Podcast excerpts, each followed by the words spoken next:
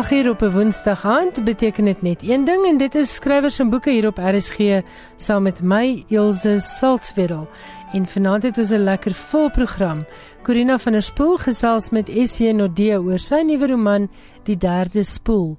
Dia van Staden gaan vir ons vertel wat gebeur alles by die Pretoria Boekejol en Filmrolfees. Johan Meiberg is in die ateljee en Corlia Fourie gaan ook vir ons vertel van Rooi Rose se gedenkbundel vir hulle 75ste verjaarsdag. Dit is 25 kortverhale met die titel Kleure van die Liefde. Dit dan so bietjie later in skrywers en boeke, maar sonder om verder tyd te mors, hier is Corina van der Spool in gesprek met Essie Nodee oor die derde spoel. Geniet dit. In die ateljee by my is Fani SJ Nudee. Sy eerste gepubliseerde boek was die hoogs aangeskrewe en bekroonde boek van kortverhale Alfabet van die Voëls. Nou het sy debuutroman verskyn met die titel Die Derde Spoel. Fani, jou kortverhale was elkeen byna novelles. Hoe vind jy die proses om 'n roman te skryf? Ja, Corina, die uh kortverhale het ehm um, eintlik nogal maklik gekom. Uh dit het nogal gevloei. Dit uh het alself geskryf as dit ware en ek dink dit het iets te maak gehad in daardie tyd met die feit dat ek uh voor dit vir 16 jaar lank regspraktisyn was of 15 jaar. En die skryf impuls is verlang onder druk dink ek jy weet dit is 'n soort van opgegaarne 'n reservoir het het gevorm en toe ek myself nou uiteindelik toelaat toe ek terugkeer na Suid-Afrika na 'n lang afwesigheid in die buiteland en myself toelaat om te skryf toe het dit eenvoudig maklik gebeur in 'n soort intense ehm um, ek dink ek het 'n amper 'n soort koorsagtigheid en ehm um, die roman jy las was ehm um, was 'n baie ander soort proses 'n uh, roman natuurlik het gewoonlik 'n groter omvang in terme van tyd 'n uh, groter aantal karakters. Mense kry dikwels die verskynsel dat daar 'n soort um 'n klomp lewenssiening of argumente in 'n soort prekêre ewewig gehou word in 'n in 'n roman. En dit was ook ek het die Jan Rabie en Margie Wallace uh beurs gehad om dit te skryf. So daar was 'n sekere soort druk ook dink ek gewees. Natuurlik is groot voorreg om die beurs te hê, maar terselfdertyd plaas mens op jouself dan nogal druk om te probeer voldoen aan verwagtinge. Uh gelukkig as deel van die beurs uh toekenning of die beurs aansoek moes 'n mens 'n uh, redelik volledige projekplan opstel. En ek dink dit het gehelp. Ehm um, so mense die roman nogal nogal deur dink uh voor die tyd. Maar ek ek kan beslis sê dit was uh veel swaarder. Uh dit het my na veel harder werk gevoel as die kort verhale. Hmm. Dit was 'n moeilike proses. Hmm. Wel, jy laat dit baie maklik lyk. Like. Ek is bly. Ja, boek het elemente van verskillende genres. Voel soms voel dit soos 'n thriller, soms soos 'n speurverhaal. Daar's 'n uh, baie groot liefdesverhaal in die boek, maar sentraal aan alles is 'n soektog. Wat is die storie?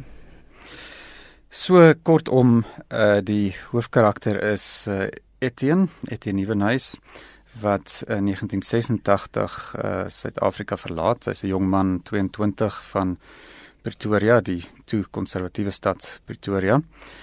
Hy ontvlug uh, diensplig en hy gaan Londen toe.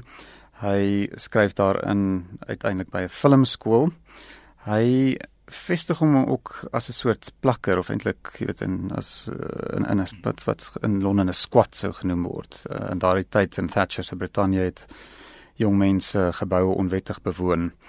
Ehm um, en daar was 'n soort gemeenskap waar dinge soos musiek en bands en en kuns ehm um, aan die orde van die dag was. Ehm um, en so Etienne bevind hom soort van aan die rande van Thatcher era Londen.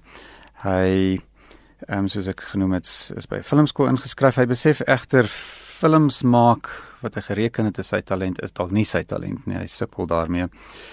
Hy kom op die spoor van 'n verlore film in 1930s uh film gemaak in vroeë nasie-era Duitsland deur 'n klein groepie Joodse filmmakers. Hy raak redelik obsessief oor hierdie film en raak aan die soek na die spoele van hierdie film. Terselfdertyd het hy ook 'n uh, jong man, 'n jong Duitser met die naam Axel ontmoet in Londen en ehm um, wat dan sy minnaar word. En nou ja, dan uh verdwyn Axel inderdaad, hy gaan Berlyn toe, kom nie terug nie. En uh Etienne wanneer hy kan gaan dan self Berlyn toe. Uh en beide in Oos en Wes Berlyn begin hy dan soek na die film, sowel as sy sy vermiste minnaar. En dit wou dan 'n besonder labirintagtige en selfs ook gevaarlike soektog, soos jy sê. Uh deels is die boek seker 'n so 'n koue koue oorlog era thriller. Um in die in die deel ten minste wat in Berlyn afspeel. En dan verwikkel ontwikkel dinge nou van daar. Ja, daar's 'n groot deel van die boek wat afspeel in die uh, 1980s Londen en dan natuurlik die Oos-Berlyn deel. Maar kom ons praat oor die Londen ehm um, wat jy hier skep. Dit dit voel vir my na 'n Londen wat jy goed ken.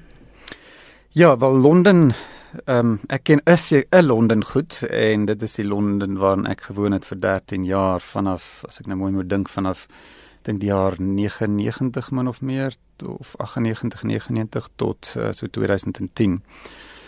So ja, ek ken die stad baie goed. Ehm um, maar dis natuurlik 'n stad mens wat mens nooit ten volle kan ken nie. Dit is 'n reusagtige en komplekse plek met baie lae. Ehm um, 1986 Londen is wel 'n heel ander stad dink ek as die as die stad waarin ek gebly het. Ehm um, So tot 'n mate moet mense 'n stad probeer herskep, jy weet waarin jy wat jy voorheen wat jy nooit regtig geken het nie of van 'n ander laag ken miskien.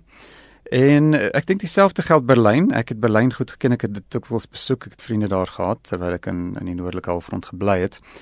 Maar uh, natuurlik is Berlyn by uitstek 'n um, radikaal ander stad vandag as as die verdeelde stad van die van die middel 80s. So mense nog moes nogal die navorsing was was nie maklik nie. Uh mens moet sekere moeilik vasvatbare teksture in in gevoelens herskep en ehm um, die daaglikse lewe van iemand soos my protagonis in daai twee stede probeer herskep. So ek het nogal gesprekke gevoer met mense wat ek geken het ook wat in daardie tyd in Londen en Berlyn gebly het. Vir my staan die die brutalistiese argitektuur uit van wel beide Berlyn en Birmingham en Londen van die 1980s en daar word nogal baie daaroor geskrywe of jy skryf baie daaroor in jou boek en natuurlik die brutale industriële rock wat eintlik ook van daai tyd is. Hoe bewerkstellig 'n mens daai tekstuur? Sjoe, ja, dit dit uh dit is moeilik die uh, die musiek, miskien in die eerste plek, die ehm um, my my protagonis Etienne is onder andere 'n tromspeler en ehm um, hoewel hy aanvanklik in Londen soort van sy sy sy sy sy voete nat maak so 'n bietjie met bands speel ehm um, raak hy nie so geïnteresseerd daarin in die postpunk soort van scene nie maar wanneer hy uiteindelik in Berlyn is sluit hy aan by 'n industrial rock band ehm um, met 'n sterk soort van 80s Duitse inslag. En ehm um, ja, dit is maar iets wat met jou verbeel, jy weet. Ehm um, self al in 'n band gespeel. Ja, laas nie, behalwe blokfluit tot ouderdom 9, jy weet, en en nie baie goeie blokfluit nie. Het ek nog nooit self regtig musiek gespeel nie en en kan ek nie regtig musiek speel nie. So ehm um, mens dink jy maar in. Ehm um, en ek ek het nogal baie ehm um, geluister na indust industrial musiek van daardie era. Ek weet Anstürzende Neubauten was die groot Duitse band van die tyd en na YouTube video's gekyk en die so ding. Maar ja, ek mis mis verbeel. Ek het natuurlik 'n soort jaloesie dink ek. Ehm um, ek is altyd jaloers op ander kunsforme en op die die vermoë om dit te bedryf, weet by die musiek en ehm um, wat dit ook al is, installasiekuns ehm um, en ehm um, uh, selfs die op die uh, jy weet die die beeldende kuns in die algemeen. So ek dink hierdie hierdie die feit dat ek dat ek met hierdie ander forme werk in in my in my skryfwerk het te doen daarmee dat ek naby wil kom daaraan om het, om dit self te doen. Maar natuurlik dis baie veiliger om agter met 'n rekenaarskerm te sit as om byvoorbeeld 'n film te maak of 'n industrial rock band te gaan speel. Kom ons praat oor die herskep van die atmosfeer van vervolging en konstante observasie in die Oos-Berlynse deel van jou boek. Hoe het jy te werk gegaan? Ja, weer eens mens mens dink jy nou maar seker in binne die konteks van van navorsing wat mens gedoen het, gesprekke wat mens gehad het. Ek dink uh, soos jy sê Corina, mense het iewers in die agterkop seker uh, daar's redelike uh, sterk beelde uit uh koue koue oorlog era thrillers of films wat wat wat seker iewers vasgesteek het. Maar ehm um, ja, soos ek soos ek ook noem, ek het met 'n paar mense gepraat wat in daardie tyd daar gebly het. En dan loop 'n mens maar deur die strate of jy woon in een van daardie geboue. Ek het toevallig ehm um, op my navorsingsreis in van die min geboue gebly. Ehm um, in Prenzlauer Berg byvoorbeeld wat nog uh nie gerenoveer is sedert die sedert die mure in 89 geval het nie. Een van die geboue wat nog uh weet koelgate in die in die mure het en die so dinge. Ehm um, so ja, mens neem maar mens bou dit maar op by die uit die fragmente en die elemente van van jou navorsing en jy stap daar rond en lê hand op 'n gebou en en maak jy oë toe en en gaan terug jy weet. Ehm uh, um, daar is dinge wat uh vervals is ook in die stadslandskappe beide in my in my roman in in beide Londen en Berlyn. Maar ek dink mens kan eers begin vervals en verander daaraan as jy weet hoe dit regtig was. Jy weet ek dink jy moet dit vervals omdat jy nie weet hoe dit is nie As jy dalk nou pas ingeskakel het, hierdie is RSG dis skrywers en boeke en jy luister na Corina van der Spool in gesprek met SC Nodee oor sy debuutroman Die derde spoel. Kom ons praat oor die soektog, die soektog na die verlore film. Etienne skryf ook in vir 'n kursus filmkuns en daar leer hy van sogenaamde spookfilms. Wat is dit? So in die 1920s en 30s ehm um, het mense nie gereken films, die heel vroeë films is regtig die moeite werd om te bewaar nie. In daardie tyd het mense dit as bloot vlietende vermaak beskou. En die idee van 'n filmargief jy weet was was nog nie ehm um, of niemand het nog daaraan gedink nie. So baie van daardie films het, het verlore geraak. Ehm um, daar is byvoorbeeld nog net uh vreeslik beskadigde afdrukke of ehm um, fragmente van sulke films oor of soms net 'n paar stil foto's op of promosieplakate soms selfs net 'n beskrywing van die film en so deesdae ehm um, met ons uh, eie tyd se bewaringsbewustheid is daar natuurlik of al lankal eintlik is daar ehm um, filmargiewe. Daar is lyste van sulke verlore films en daar's mense wat soek na die films. En dit's gebeur nou en dan ehm um, selfs nog tot redelik onlangs dat dat so 'n film aan die lig kom, jy weet in 'n iewers in 'n in 'n solder of 'n ou filmstoorkamer ehm um, en uh veral na die val van die van die eistergordyn is is van hierdie films byvoorbeeld in weet in die in die ou oosblok gevind. So ja, dit is dit is die dit is die verlore film die idee van 'n van 'n uh, 'n film wat dalk nog gevind kan word en maar nog net in sy spook kan tans net in sy spookweergawe voortbestaan. Die film waarna die karakter soek sluit aan by die werk van Walter Benjamin, die Duitse denker, skrywer En Benjamin se werk is 'n baie belangrike gedagtestroom in die boek. Jy begin met 'n motto selfs van uh, inderdaad van Benjamin. Van Benjamin, ja.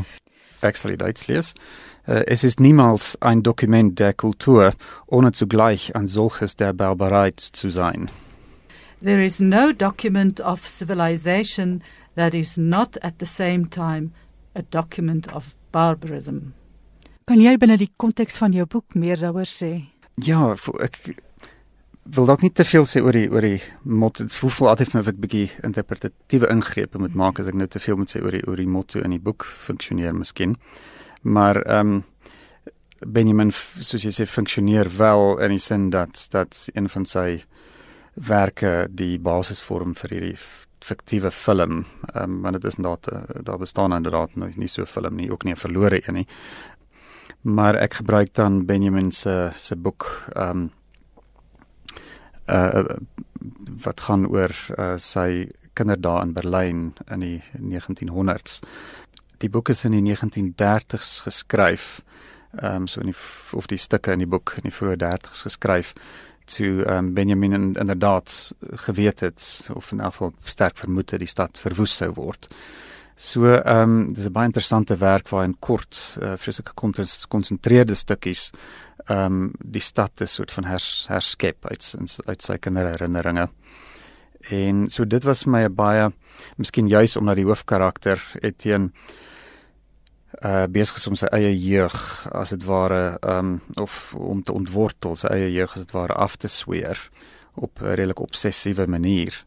Um, was dit uh, vir my interessant om hom te laat soek na 'n film waarin iemand anders eintlik besig is om 'n jeug te herskep op 'n sekere manier en te en te bewaar in die lig van 'n potensiële verwoesting van die omgewing van daardie jeug. Dit lei my na die karakter Etienne wat as jong man of jong seun 'n boek het van die kunswerke van William Blake wat duidelik 'n baie groot rol speel in sy vormjare. Hy hy neem die boek selfs met hom saam na Londen. Kan jy iets meer daaroor sê? Ja, inderdaad hy ehm um, soos jy sê as as as jong man of as kind ten minste in Suid-Afrika ehm um, saans as as almal slaap, kyk hy na hierdie hierdie bleikskilderye en en die die uitwaaiing van lig ehm um, in hierdie werke is wat hom inderdaad aantrek. Ja, ek ek ek reken die ehm um, blyk verteenwoordig of die die die blyk kunswerke verteenwoordig seker vir Etienne 'n uh, 'n soort nuwe en ander wêreld. Ehm um, 'n soort nuwe soort orde, uh, 'n nuwe soort ehm um, identiteit of selfprep, uh, miskien selfs ehm um, waarna hy uh obsessief streef deur die boek en op redelik ekstreme maniere ehm um, bereid is om 'n soort, jy weet, 'n soektog, 'n soort quest na te jaag uh ten einde dit te bereik en en om te verwyder uit 'n uit 'n sekere soort wêreld, 'n sekere soort uh identiteit of self. Ehm um, so ek ek ek neem ek ek sou reken die blykskilderye uh verteenwoordig daardie nuwe wêreld op 'n redelik abstrakte manier. Van jou boeke te gelyk in Afrikaans en Engels verskyn, is dit 'n vertaling? Ja, dit die, die proses is nogal bietjie meer kompleks as suiwer vertaling. Ehm um, ek dink met die kort met die kortverhale het ek aanvanklik in Afrikaans geskryf, maar weer is soos genoem na 'n lang afwesigheid en 'n baie lang tyd, seker 16 jaar waarna ek baie selde Afrikaans gepraat het. So die En in daardie geval het ek die dialoog gewoonlik in Engels geskryf, deels omdat ek nie meer so vertroud was met die kadense van gesproke Afrikaans nie. En dan het ek die dialoog na Afrikaans terugvertaal en dan 'n Afrikaanse weergawe voorberei en uiteindelik het ek die kort verhaal dan terug eh, weer uh, vertaal in Engels. Die roman het eintlik op 'n redelik soortgelyke wyse sy beslag gekry, um, alhoewel dit nie noodwendig dialoog was wat ek in Engels skryf en daar's dele daarvan in Engels geskryf ander dele daarvan, die grootste dele daarvan is is in Afrikaans geskryf. Dan het ek die Engelse dele terugvertaal na Afrikaans. Die Afrikaanse weergawe min of meer afgehandel en dan alles na Engels vertaal. So daar's 'n soort gelyktydigheid eintlik in 'n in 'n sin. Ehm um, en ek dink uh mens mens dit is amper asof wanneer ek Afrikaans skryf, die Engels as 'n soort uh klankbaan in my in my in my kop speel en en andersom. Ook wanneer ek die die Engelse vertaling doen dan is die Afrikaans maar altyd ook uh, teenwoordig. So dit voel soms my asof ek eintlik gelyktydig met die twee tale besig is of miskien tussenin die twee tale skryf. Gebeur dit ooit dat jy retrospektief wanneer jy nou na die Engels kyk iets wil verander in Afrikaans? Ehm um, ja, absoluut. Ehm um, dit dit gebeur voortdurend en dan in in die in hierdie proses behalwe daarvoor dat mens self ehm um, teruggaan na na die ander teks ehm um, en en iets wil verander kom daar ook derde party redigeerders natuurlik ehm um, raak of raak hulle betrokke. So mens is ook besig heeltyd om die Afrikaanse redigeerders se en proefleesers se uh kommentaar te oorweeg vir die Engels en die Engelse proefleesers en redigeerders kommentaar te oorweeg vir die Afrikaans. So dit raak nog 'n komplekse en 'n weer proses. Uh dit is nogal heel wat heel wat werk moet ek sê. Mens moet mooi konsentreer. Uh daar is ook gevalle waar ek omdat ek aan iemand anders hoef te antwoord nie, uh omdat ek myself vertaal waar ek ook waar daar verskille is tussen die Afrikaans en die Engels en ek hoef het, ek dink nie altyd noodwendig te veel daaroor nie. Uh, dalk moet ek meer strategies wees of dit vir myself teoreties verantwoord, maar uh, gewoonlik voel dit net vir my 'n sekere sin werk in die Engels maar nie in die Afrikaans nie of andersins. Dis klein verskille, maar dan dan haal ek dit uit in een weergawe en los dit in die ander. Uh maar soos ek sê, ek ek verduidelik nie noodwendig vir myself hoekom ek dit doen nie. Om 'n gevoel van die boek te gee, het ek van die gevra om 'n stuk daaruit te lees. Kom ek lees 'n uh, paar paragrawe om net 'n bietjie konteks te gee. Etienne ons uh, protagonis en drie van sy vriende wat in 'n Duits soos ons gesê het in 'n industrial rock band is um in Duitsland uh, is nou naby Bremen en hulle is besig met 'n met 'n wilde konsert, 'n wilde gig as jy wil. So ek lees. Hulle speel. Speel. Soos nie een van die Echo bands kan nie. Hulle herwin geraas uit die niet. Dit smelt saam met die klanke van motors op snelweë, van trekker engines en kragstasies se stookoonde. Nuwe geraas volg, maak ou geraas dood. En dan begin dit weer. Hulle moet alles aflê en alles uitdoof wat die geraas vooraf gegaan het. Daar is geen geskiedenis meer nie, ook geen toekoms nie. Geen liggame en geen bewussyn nie. Alles is klank. Die duinende skare maal die tematies fyn. Stunde nul speel God se idioote. Hulle speel die taal van mense en masjiene. Daar is 'n oomblik van stilte. Die sonsverduistering begin. Etienne voel die skemer op sy vel. Die gehoor kyk op, sit hulle sonbrille op. Die vier van hulle kyk na mekaar, begin dan sonnenvensternis speel. Die swart maan pons 'n gat reg deur die son onder hulle raak almal besete. 'n Swart wolk vorm oor die ganse Duitsland, maak almal doof. Die aandlig kom lê 'n lawende blou hand op Etienne se voorhoof. Maar dis nie aand nie, dis middag. Hulle speel om die son al swarter uit te hol. Op die verduistering se hoogtepunt hou hulle 'n onmoontlike lang noot. Vibrasie uit die bloed. Dan laat skiet hulle. Hulle verdryf die maan, bring die lig terug. Dit was Corina van der Spool in gesprek met SJ Nodee of terwyl Fanny Nodee. Hulle het gesels oor sy debuutroman Die Derde Spoel. Dit word uitgegee deur Penguin Random House en kos R250. Skrywers en boeke elke woensdag aand tussen 8 en 9. Die laaste paar jaar het Pretoria sy eie boeke en filmfees en ek gesels nou met Dia van Staden, die organiseerder van die Pretoria Boekejol en Filmrolfees. Dia, baie welkom by Skrywers en Boeke en hoe lyk die program vir 16 tot 20 Augustus vir julle Boekejol en Filmrolfees? Baie dankie. Ja, Ilse, die boeke is natuurlik altyd 'n uitdaging, maar 'n opwindende een maar dit is so lekker om te sien dat al die genres ingesluit kan word.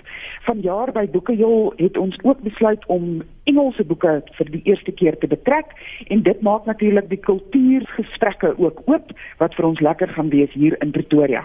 Ons begin Woensdag die 16de Augustus en ons gaan eers so 'n bietjie kuier hier by Linwood Bridge in die Piazza voordat ons daardie aand 'n huldeblyk aan PG Du Plessis het en Jack de Priester gaan vir ons voorlesings ook daar doen. Wat ons boeke aanbetref, kyk ons natuurlik na die romansas en al die liefde wat daarmee saamgaan. Ons het 'n praktiese sessie saam met Karen Adendorf oor haar hekelwerk en mense kan hulle naalde bring en kom saam hekel. 'n Lekker opwinding is Etienne van Heerden se Die wêreld van Charlie Oom waar Etienne Bloemhof met hom gaan gesels en hier is 'n geleentheid waar al die leeskringe bymekaar kom en saamkom gesels oor wat vir hulle ook belangrik en lekker is in die leesbedryf. Andre Leroux se narciste, psigopate, stalkers en sadiste word bespreek en niemand anders as Henk Swanepoel sal daardie gesprek lei.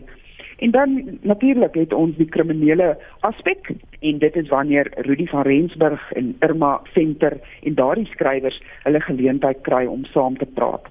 Ek dink een van die hoogtepunte is altyd as 'n mens die leser hier het en die leser kom neem regtig deel en hulle vra hulle vra Barend Legrandsie gaan met Dana Snyman en Erns Grindling oor hulle reise gesels. Dit sal die donderdag aand in die teater gebeur en Kevin Leo sal daar musiek maak. Tim Du Plessis kom twee van ons gesprekke lei en dit gaan ook die ene oor arbeid, Labour Beyond Kusatu. Dit is Andries Besuidnout se boek en Gideon Du Plessis gaan ook daar gesels. Connie de Villiers het 'n gesprek wat hy lei met Ali Kutse wat self ook skryf oor bemagtiging van die mens. En dan kyk ons na plante. Sandy Roberts, dit is Margaret Roberts se dogter, die indigenous healing plants is ook 'n eerste wat ons daardie aspek gaan aanspreek. Democracy and Delusion in the way I see it, uh, Lerato Chabalala en Sizwe Paul Walsh wat gaan praat oor wat is dit wat ons doen met ons kultuur en met ons demokrasie in Suid-Afrika. Die politieke riglyne wat neergelê word in boeke is nie iets wat ons altyd mee saamstem nie, maar is definitief iets waaroor ons saam gesels. The Republic of Guptas, a story of state capture and no longer whispering to power, the tenure of Tuli Madonsela en daar het ons dan natuurlik vir Pieter Louw Meiberg en Gerry Nel gaan in hierdie gesprek ook saam praat. Ons dig marathon is altyd 'n hoogtepunt by Boekejol en ons het vir Auntie Krog, Bibi Slippers, Andrius Besuidenhout, Shaal Peer Nudee, Johan Meiberg en Emma Becker wat hier gaan saam praat met uh, hulle digbundels wat daarbey ingesluit is en Alwyn Roo sal die fasiliteerder wees vir die gesprek. Die kulte van Leslie Smiles wat na baie jare uh, praat oor die feit dat sy vasgevang was in 'n kulte in Amerika. Daardie boek word bespreek met Phyllis Green. Daar is heelwat geleenthede wat elke dag ook gratis is. Ons sluit vanjaar glad nie ons jeug uit nie. Ons het gesprekke tussen Fani Viljoen en Fani gesels ook met Cecilia Stein, sy suster oor hierdie jeugboeke van haar en daardie gesprekke oor die jeugboeke en die jeuglektuur vir kinders gebeur by die Alkantrand biblioteek wat net so 'n blok van ons algemene venue is.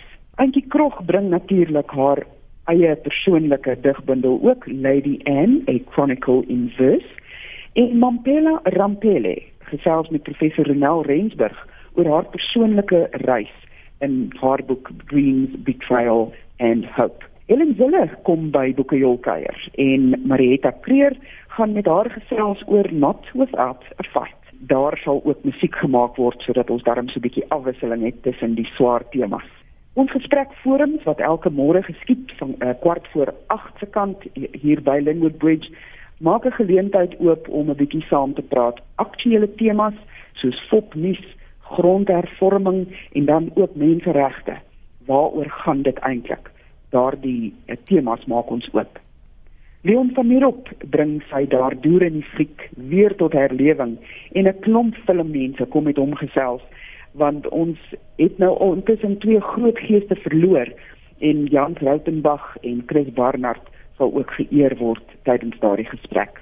Want die geleenthede vir die geskiedenis liefhebbers is altyd 'n hoogtepunt ook. Theo de Jager kom 'n bietjie gesels met Lappe Loubser en Louis Shangwen François Pretorius oor 'n eerlike Suid-Afrika. Ons het lieflike sluipskole, radiodrama sluipskool wat Dr. Eben Kruiwagen gaan aanbied. Die skryf van resensies en dan doen ons sommer drie temas: musiek, boeke en films en kenners wat dan met die mense gaan gesels oor hoe om daardie resensie te skryf. Ek is persoonlik baie opgewonde oor die illustreerders wat gaan kom saamkuier, want die illustreerders gaan dan prakties wys hoe hulle die hand aan die sketsblok waag voordat ons 'n pragtige uh, Afrikaanse idiome van Kobus Galloway sien of die Willie Wally en Haas Das van Jan Olofsen of dan Piet Grobler wat baie bekend is en nou weer terug is in Suid-Afrika. Daardie drie illustreerders gaan hulle vernuf vir ons wys op die verhoog.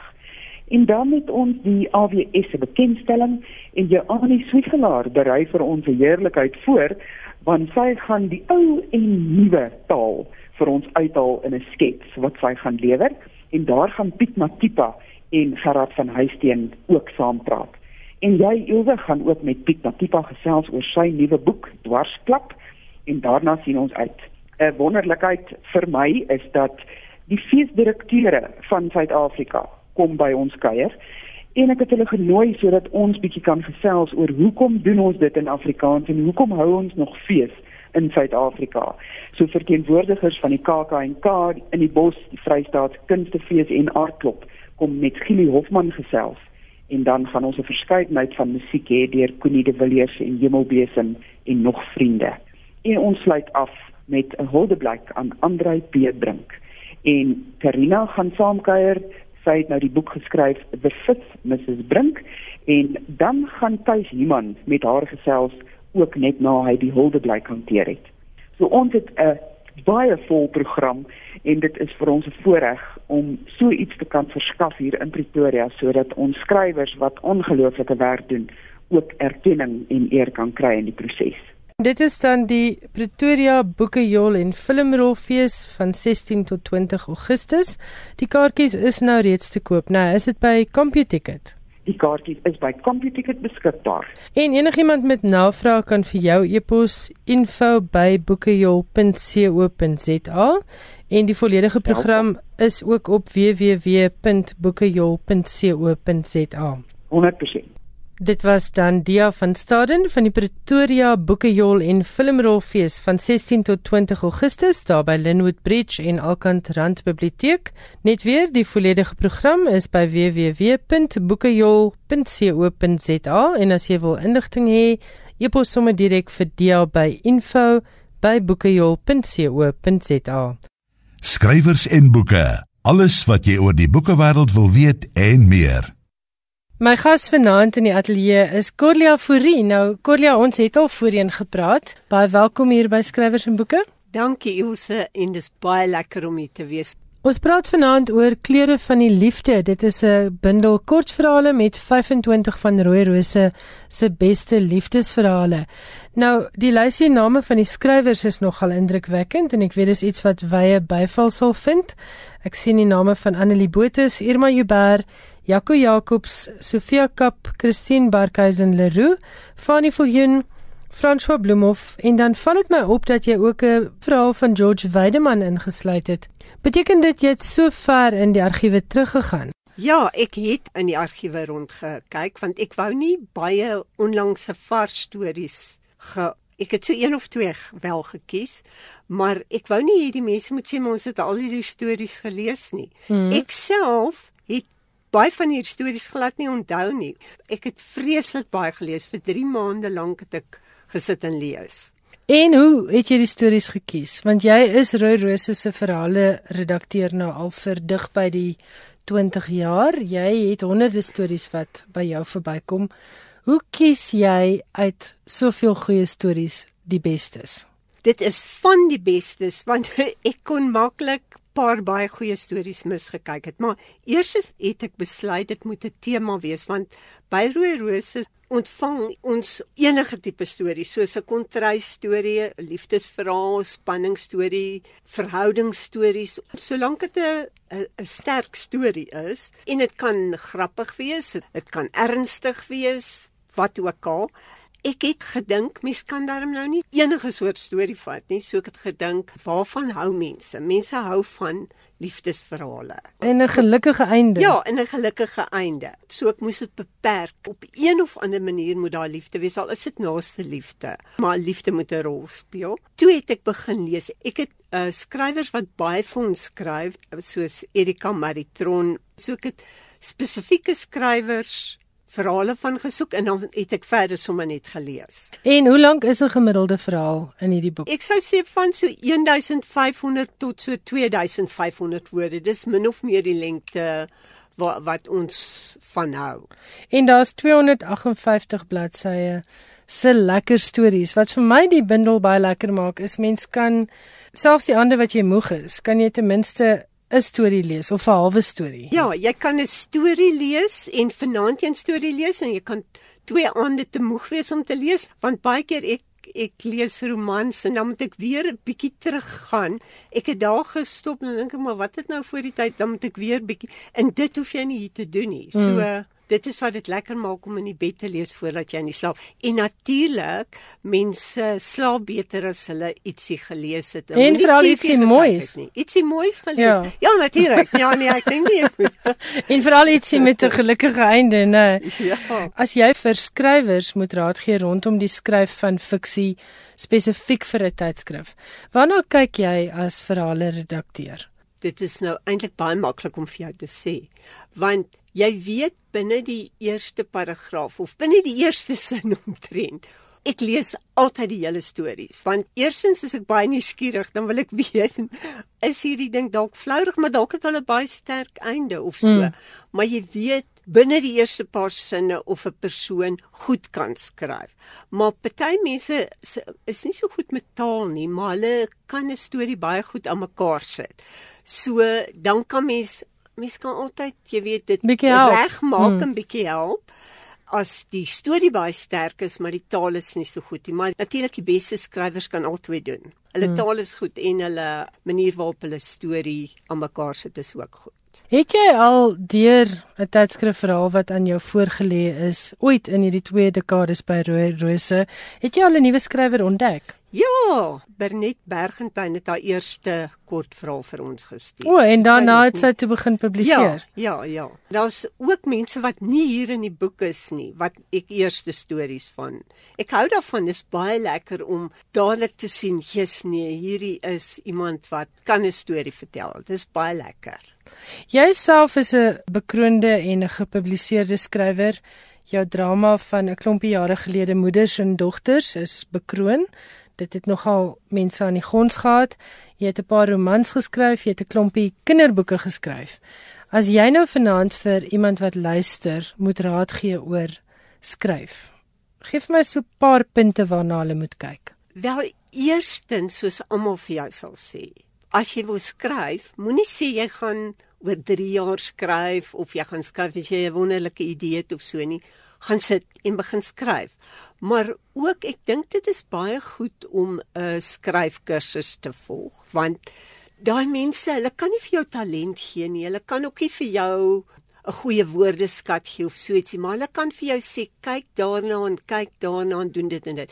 So dit help tog want dit rig so half jou talente en dit stuur dit so half in die regte rigting. Ja. Dis wat jy sê. Ja, ek dink dit is alles goed en wel om vir jou ma en vir jou kinders en vir jou vriendinne. Mense hou van jou stories in elk geval as jy Want hulle hou van jou. Ja, want hulle hmm. hou van jou. En nou gaan hulle nie vir jou sê maar weet jy dit is want dit is moeilik om vir iemand wat wat jy baie van hou te sê nee niks werk in hierdie storie nie. Jy kan dit nie doen nie. Dis ook so, al onregverdig om dit van 'n vriendin te verwag. Ja, dit is eintlik baie onregverdig. En waarna kyk 'n keerder van 'n storie? As jy nou daar sit met 'n rooi rose verhaal voor jou, ons praat sommer maar nou net van 'n kort verhaal. Ons praat ja. nou nog eers van 'n roman nie. Ja. Maar wat is die definitiewe moenies as dit by skryf kom? Vind uit eers. As jy vir 'n tydskrif 'n storie wil skryf, vind uit hoeveel woorde is reg vir hierdie tydskrif. Party tydskrifte sê 1500 woorde. Ons sin op die oomblik begin by 1500 woorde en dan tot so 2500 woorde. Maar vind dit uit want mense stuur vir my verhale van 5000 of 6000 woorde. Jy weet wat 3 keer is so lank soos die stories wat mm, ons mm. moontlik kan praat. Nou vind dit uit en lees soveel soos jy kan.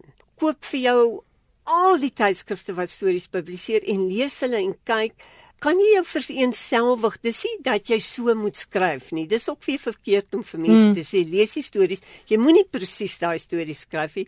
Weet jy ek kyk byvoorbeeld baie rolprente. So mm.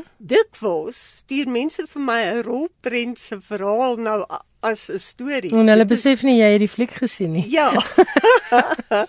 en dit was 'n baie goeie idee die rolprent en ek het ook gedink dit is 'n goeie idee, maar is nie 'n goeie idee om so 'n storie te krip nie. Jy mm, weet, dit is mm. glad nie 'n goeie idee nie. Party mense se taal is nie goed nie en ek dink dit help ook om baie te lees. Lees, lees, lees. Lees as jy wil romans skryf, lees romans as jy wil kortverhale skryf, lees kortverhale. Met ander woorde ja. wat jy sê is die ou ou raad van dit waarin jy wil skryf moet jy ken. Jy moet ja. die genre ken. Ja. En as jy na roman skryf, beweeg geld dieselfde raad natuurlik, lees die genre ja. waarin jy wil skryf.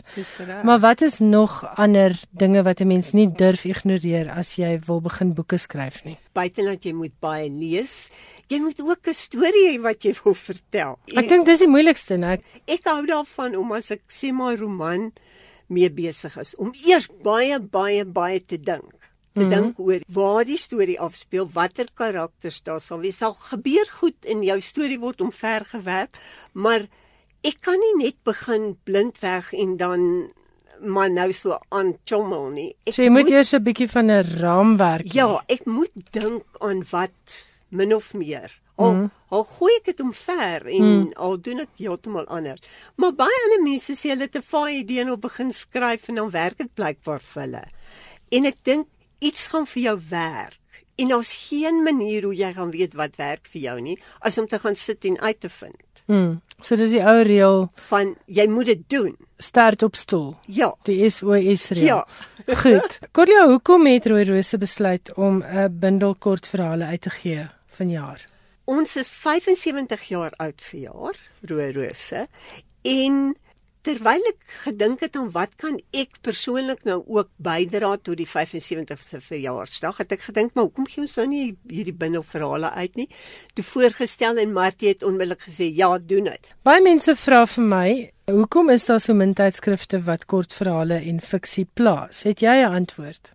Is dit maar die koste aspek? Weet jy jare gelede was ons geweldig gewild. Ek meen jy's nou nog te jonk om om te weet wat in die 70er jare of of so was. Daar was twee vervolgverhale in Sari en Rooi Rose en nog En huisgenoot, ja. En huisgenoot. Ja. Huisgenoot het ook vervolgverhale en verhale ingehaal.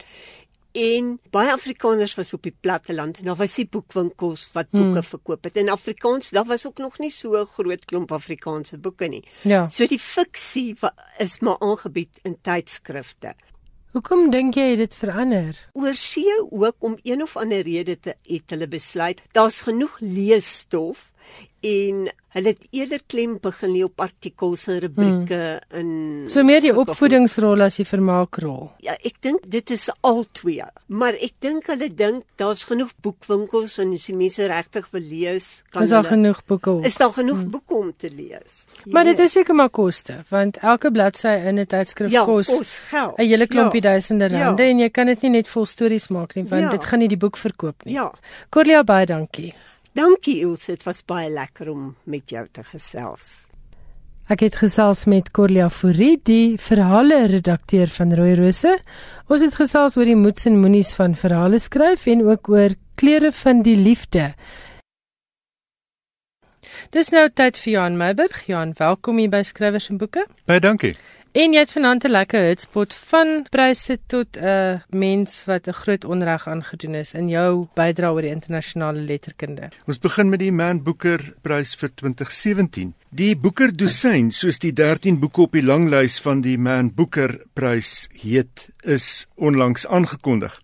Die Booker strek van 1 Oktober 2016 tot 30 September 2017 en sluit onder meer romans in van Sebastian Barry, sy Days Without End wat reeds 'n hele aantal pryse gesweep het, asook Carlson Whitehead se Underground Railroad wat as fantasmagories beskryf word en Alice Smith se Autumn 'n spitsvondige respons op die EU referendum. Arundhati Roy se The Ministry of Utmost Happiness is ook onder die 13 titels op die Man Booker langlys. 20 jaar nadat Roy die Man Booker gewen het met haar debuut The God of Small Things, het sy onlangs haar tweede roman gepubliseer wat terstond in aanmerking kom vir die gesogte literêre prys met prysgeld van sowat 850 000 rand.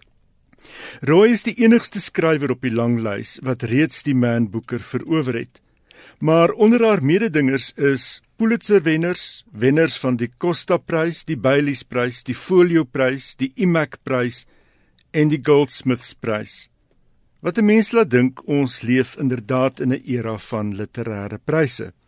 Nietemin, toe Roy onlangs gevra is waarom sy 20 jaar geneem het om 'n tweede roman te skryf, het sy teenoor The Guardian opgemerk: "Fiksie neem tyd. Ek kan nie vinniger of stadiger skryf as wat ek skryf nie."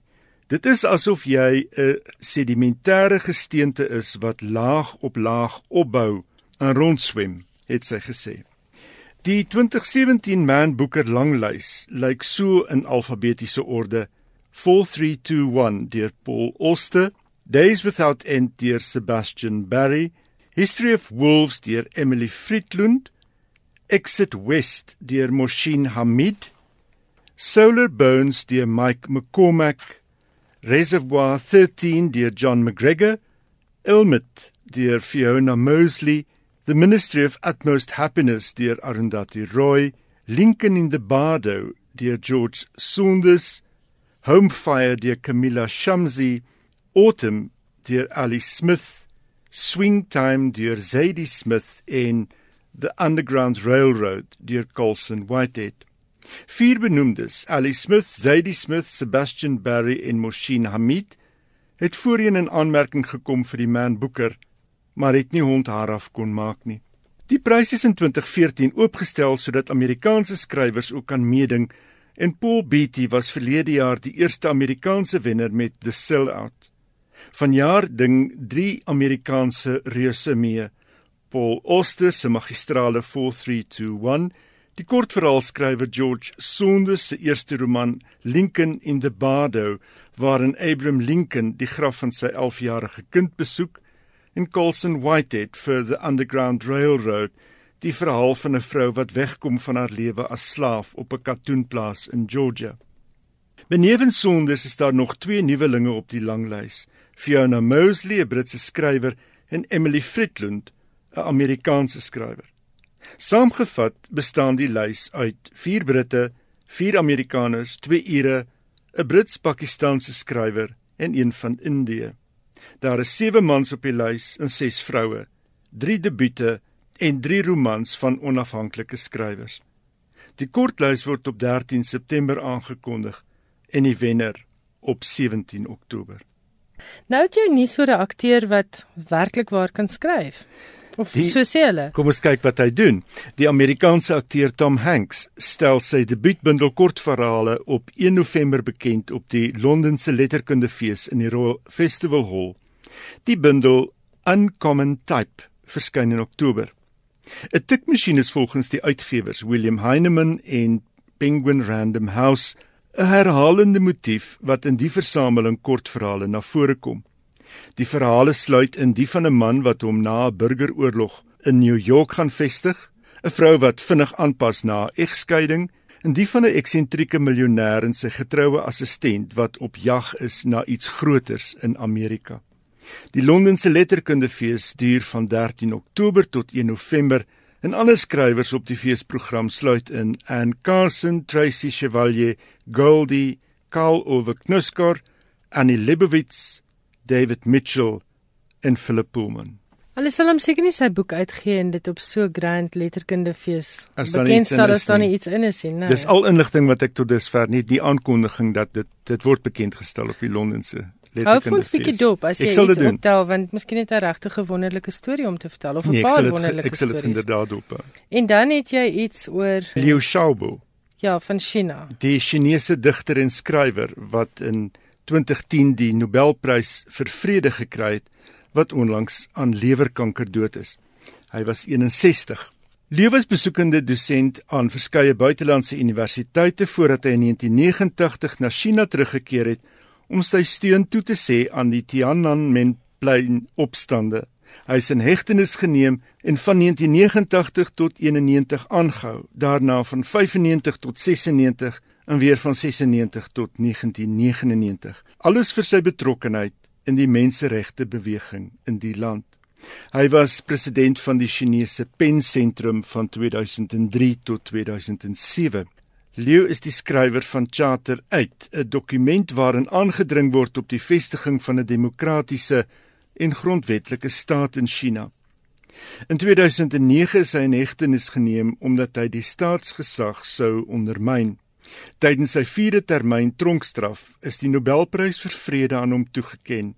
Hy is verlede maand op mediese parol vrygelaat toe lewerkanker gediagnoseer is.